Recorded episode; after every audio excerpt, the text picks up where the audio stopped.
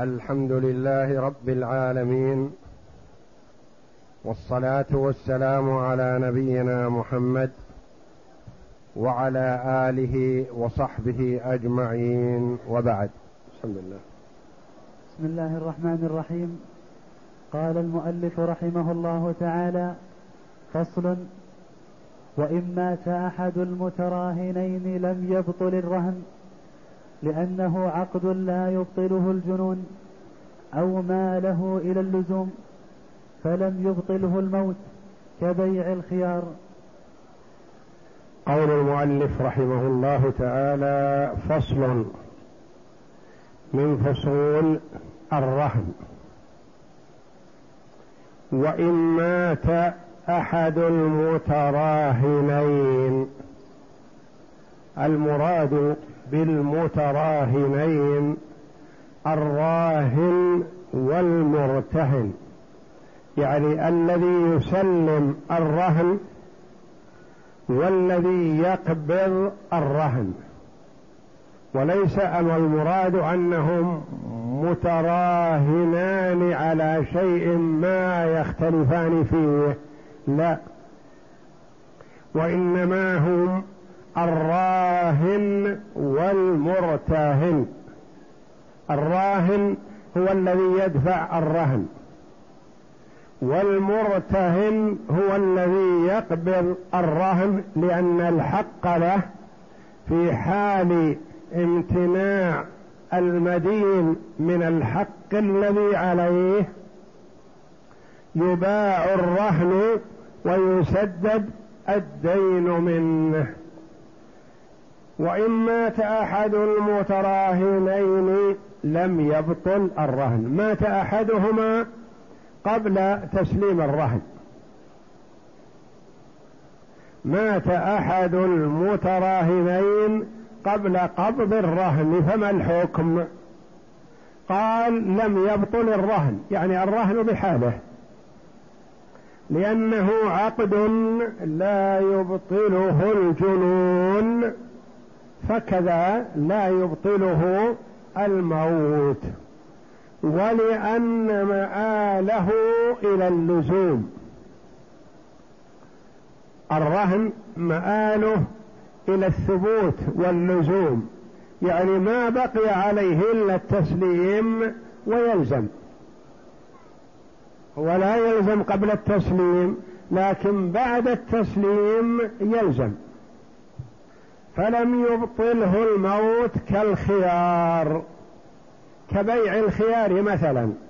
لو أن شخصا باع على آخر بيعا بالخيار باع عليه دارا سيارة ارضا طعاما لباسا وشرط أحدهما أو شرط الخيار مثلا إلى خمسة أيام. مات أحدهما خلال الخمسة الأيام. فما الحكم؟ يقوم وارثه مقامه. إن شاء أمضى البيع وإن شاء رده. لأن في خيار. فكذلك الرهن مثلا لم يتم تسليمه يقوم الوارث مقام المتوفى. إن كان راهن فهو له الحق أن يدفع الرهن أو يمنع.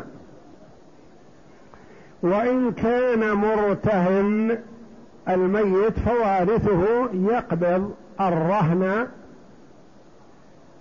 لديه ليكون ضمانا بالقيمة. نعم.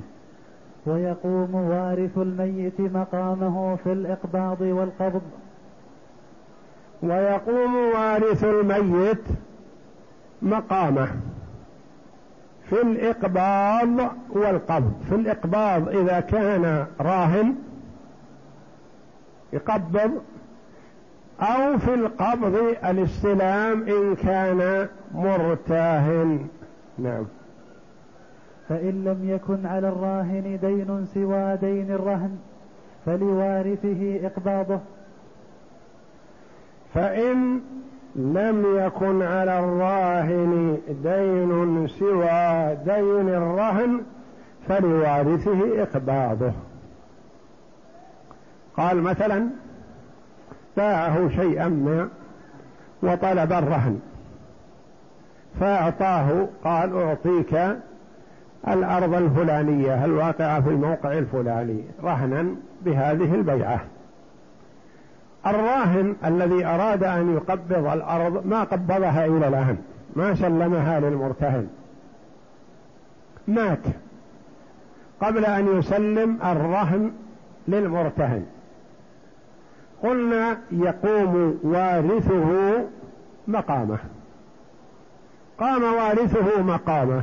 جاء المرتهن يقول يا أخي سلمني الأرض التي اتفقت أنا ومورثك على أن يعطيني إياها رهن. يقول صاحبي مات.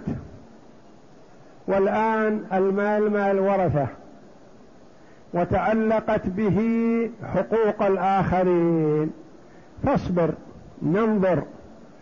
هل هناك ديون غير الدين الذي لك أم لا؟ فإن لم يكن هناك ديون إلا دينك فالأمر سهل فالأمر راجع إلي. أنا أقبضك الأرض إن شاء الله. أما إذا كان مورثي عليه ديون لأناس آخرين فما يسوغ لي أن أقبضك الأرض تختص بها ونحرم الآخرين منها. هذه الأرض وغيرها تعلقت بها حقوق الغرماء. فإن لم نجد دينا سوى دينك سلمناك الأرض.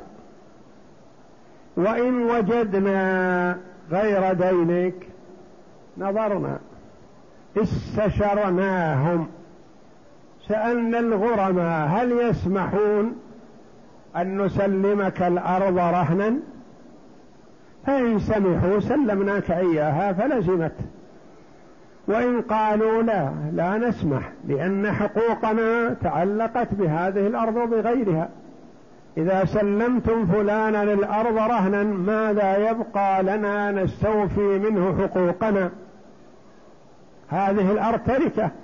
ونحن لنا حق في التركة.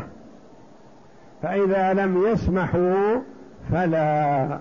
يقول فإن لم يكن على الراهن دين سوى دين الرهن فللوارث إقباضه. الوارث يقول ما على صاحب دين إلا الدين الذي لك اقبض الأرض رهنا بدينك. وإن كان وإن كان عليه دين سواه فليس له إقباضه لأنه لا يملك تخصيص بعض الغرماء برهن. فإن كان عليه دين لآخرين فلا يملك الوارث إقباض الرهن هذا للدائن. يقول يا أخي تعلقت بي حقوق الآخرين إلا بإذن منهم. إن أذنوا سلمناك الأرض. وإن لم يأذنوا فأنت وإياهم فيها سواء. نعم. وعنه له إقباضه لأن المرتهن لم يرضى بمجرد الذمة بخلاف غيره. وعنه رواية عن الإمام أحمد رحمه الله له إقباضه يقول له تسليمه الأرض التي اتفق على أنها تكون رهن. لما يرحمك الله؟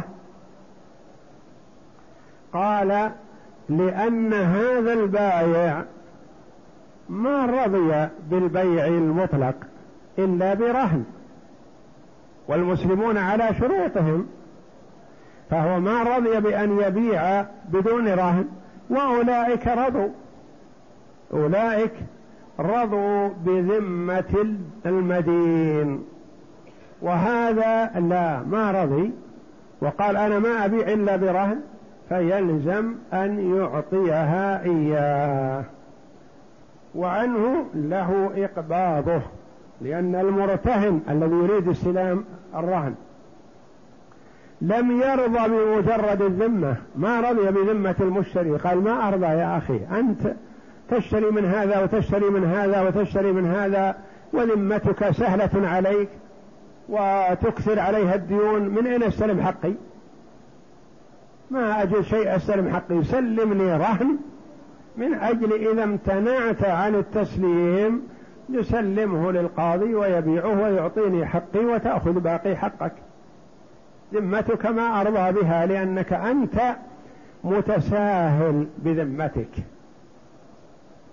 فأنا ما أرضى بها. لأن المرتهن لم يرضى بمجرد الذمة بخلاف غيره بخلاف الدائنين الآخرين فرضوا قالوا نرضى بذمة المدين المشتري. نعم. والأول أولى. والأول أولى. القول الأول أنه لا يقبضها إياه أولى. لما؟ قال لأنها ما تعلق بها حق المرتهن إلى الآن. ولم نحرم أولئك لأنهم ما طالبوا برهن وهذا طالب برهن نعطيه الآن ما لزم شيء. فهو وإياهم سواء فأولئك عاملوا المدينة بحسن الظن والحسنى فلا نحرمهم من قيمة هذه الأرض ونسلمها لهذا وحده. قال الأول أولى بأنه إذا لم يتم قبض الرهن فيكون المرتهن أسوة الغرماء. نعم. لأن حقوق الغرماء تعلقت بالتركة قبل لزوم حقه فلم يجز تخصيصه به بغير متى لزم حقه؟ لزم في التسليم. وما تم التسليم فهو الآن هو والغرماء سواء. نعم. فلم يجز تخصيصه به بغير رضاهم.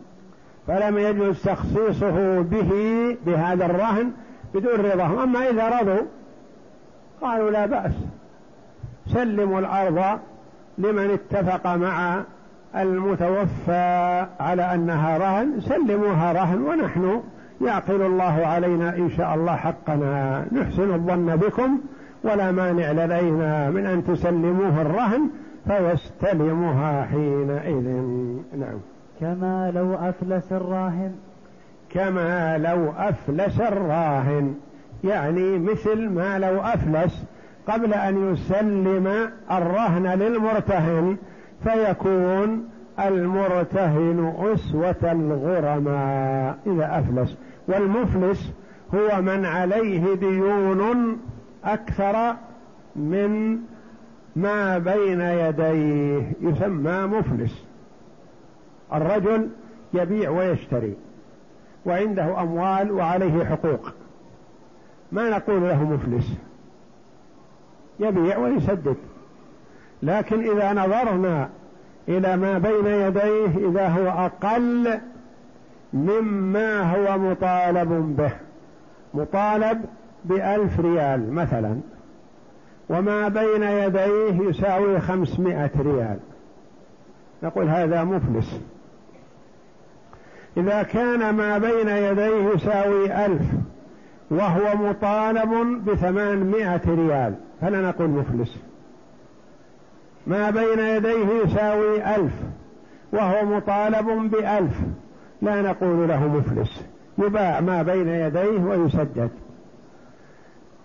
من كان ما بين يديه أقل مما هو مطالب به يسمى مفلس يحجر عليه. حجر فلس.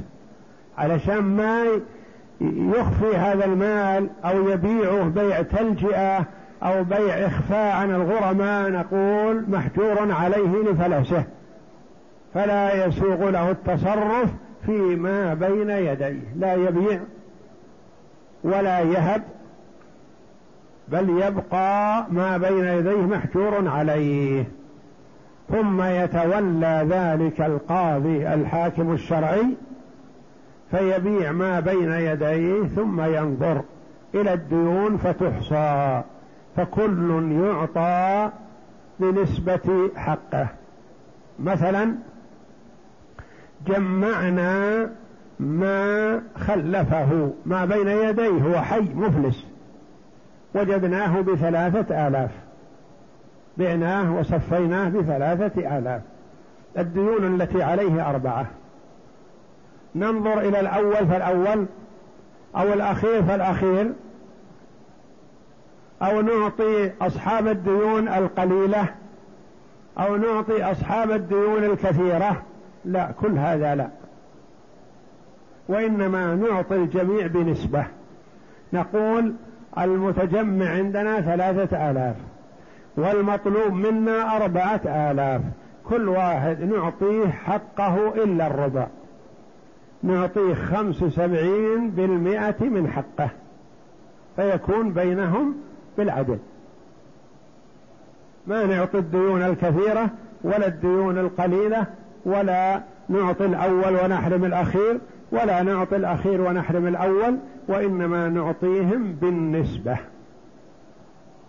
وهذه النسبة تجري حتى في حق الله تعالى. إذا كان مطالب مثلا بثلاثة آلاف لرجال لأصحاب حقوق ومطالب بألف زكاة. ما صرف الزكاة؟ وقيدها بأن عندي ألف ريال زكاة. وربما يكون هذا الألف هو الذي سبب عليه الفلس. لأنه كما قال عليه الصلاة والسلام ما خالطت الزكاة مالا إلا أفسدته يعني المرء إذا منع الزكاة ما سلمها بقيت في ماله. بقي هذا المبلغ الزكاة في ماله ليس له. حرام عليه واجب عليه إخراجه فتركه في ماله فيفسد ماله. لأنه مثل ما لو اختلسه من مال زيد أو عمرو. يفسد ماله طلعه يزكو مالك وينمو ويبارك فيه بإذن الله. أخرج الزكاة يزكو قلبك وينمو مالك. أبقيت الزكاة فيه؟ ضرر عليك في دينك وعقيدتك وضرر على مالك يذهب. لأنه خالطه مال حرام فيذهب عليك ويتلفه. هذا الذي عليه ديون ثلاثة آلاف وعليه زكاة ألف مقيدة مطالب مثلا بأربعة آلاف الجميع وجدنا ما له بعد تصفيته ألفين. نقسمه بالنسبة بين هذه الديون حق لله وهو الألف الزكاة وحق للعباد وهو ثلاثة الآلاف. فنقول كل واحد نعطيه خمسين بالمئة النصف. فالذي له خمسمائة ريال نعطيه مئتين وخمسين. والزكاة التي هي ألف ريال نخرج زكاة خمسمائة ريال نوزعها على الفقراء. ومتى ما اجتمع عنده مال آخر فكذلك. نقسم حتى يستوفي كل واحد حقه. كما لو أفلس الراهن فلا يسلم العين المرهونة للمرتهن ما دام لم يستلمها بعد لأنه تعلق بها حق الغرماء. نعم. فإن أذن الغرماء في إقباضه جاز. فإن أذن الغرماء في إقباضه جاز. إذا قال الغرماء فلان نعرف ظروفه. أو فلان حريص على ماله أصلا ما باع إلا برهن. ونحن نؤمل فيكم الخير إن شاء الله ونصبر عليكم. سلموا الرجل الرهن الذي وعده مورثكم لا مانع لدينا من ذلك. فيسلم فإذا استلمه لزم. ما يمكنهم أن يرجعوا بعد هذا. نعم. لأن الحق لهم فإذا قبضه لزم سواء مات قبل الإذن في القبض أو بعده. فإذا قبضه لزم سواء مات قبل الإذن أو بعد الإذن سيان. ما دام أنه قبض الرهن فإنه يلزم حينئذ. نعم. فصل. وإن حجر على الراهن قبل القبض لم يملك إقباضه. فإن كان الحجر لسفه قام وليه مقامه كما لو جن. وإن حجر على الراهن قبل القبض مثل الصورة السابقة مثلا. الرجل اشترى بضاعة أو عينا أي عين.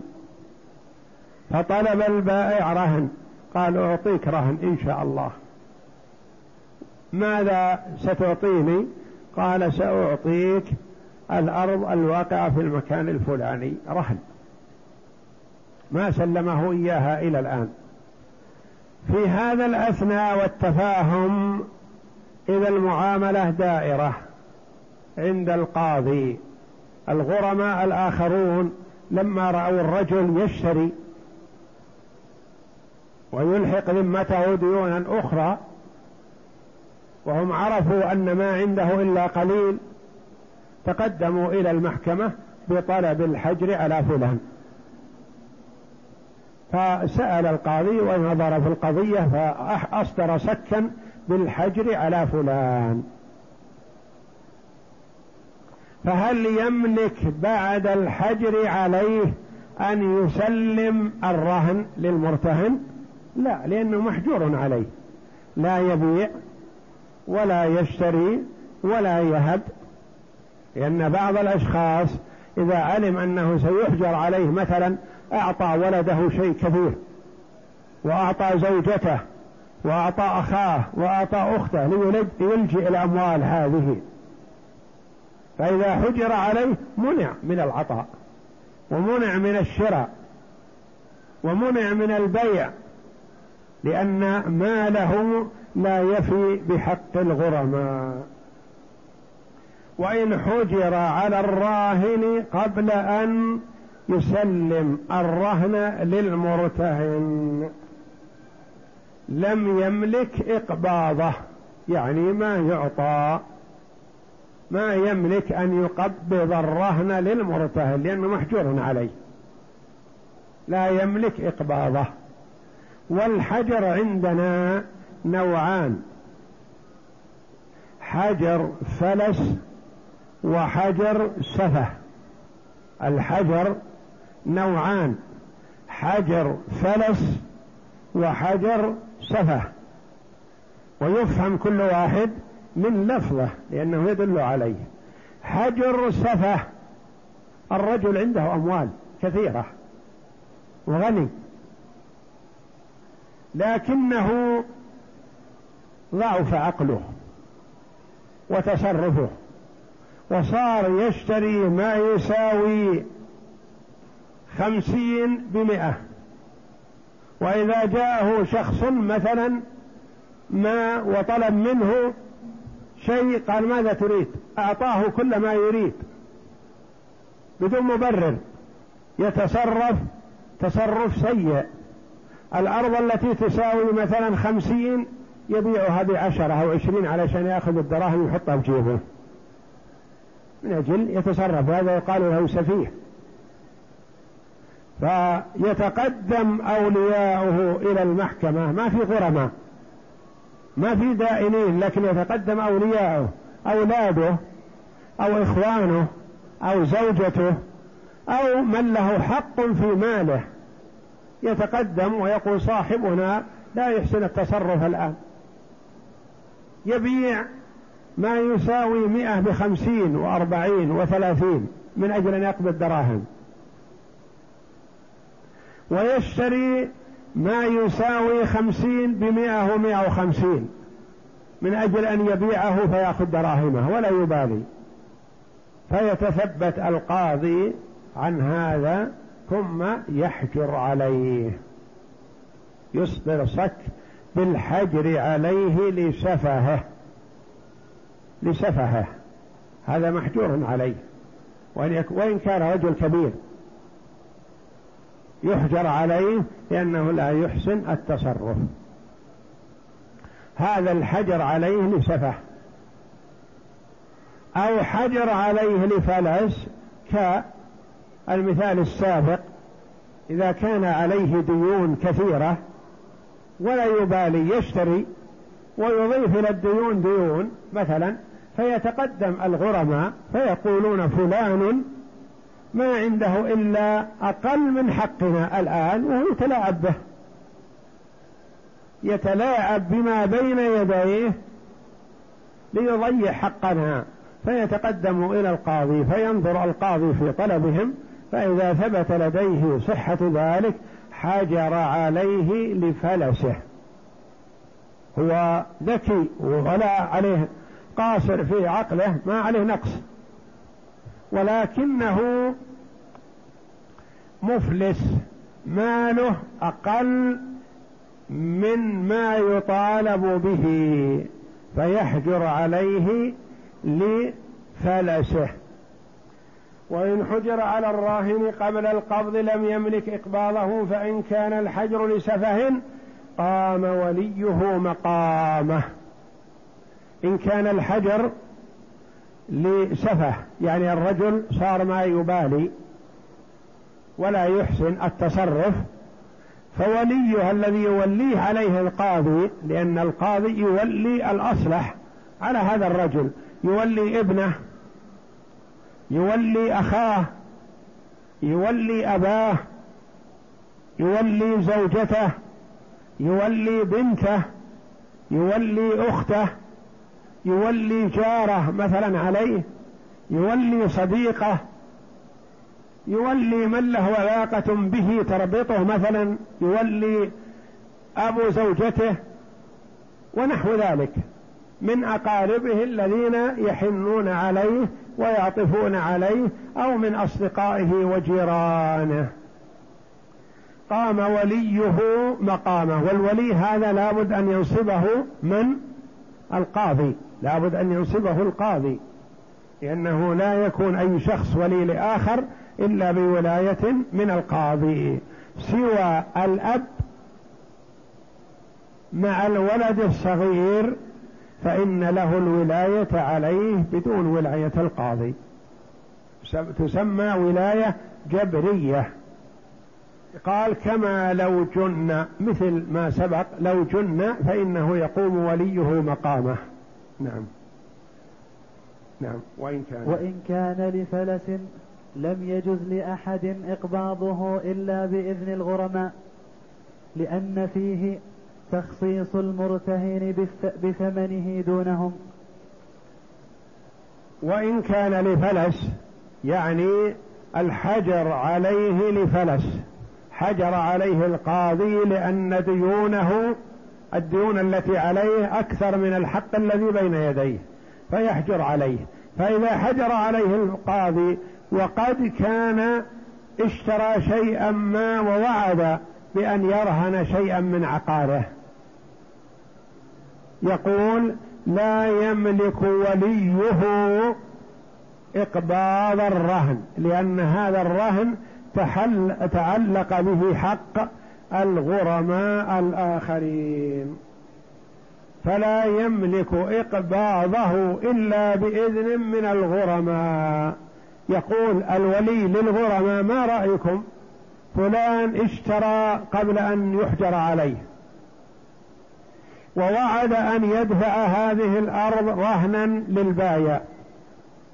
فهل تأذنون لنا بأن نعطي هذه الأرض للبائع رهنا بالبيع الأخير مع أن ما اشتراه صاحبكم موجود وسيدخل ضمن أملاكه وتتعلق به حقوقكم.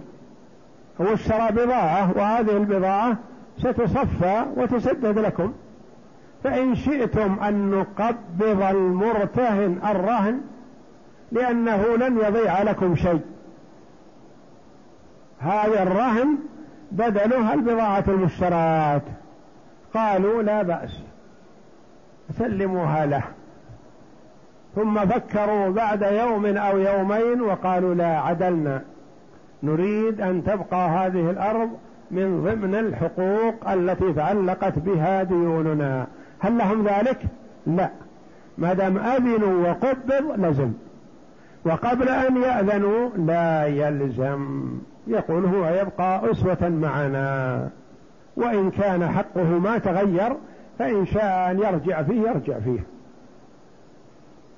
إلا بإذن الغرماء لأن فيه تخصيص المرتهن بثمنه دونهم. يعني كأنه يقول يكون هذا المرتهن إسوة الغرماء ولا يخصص بشيء وحده لم يقبضه. والله أعلم وصلى الله وسلم وبارك على عبده ورسوله.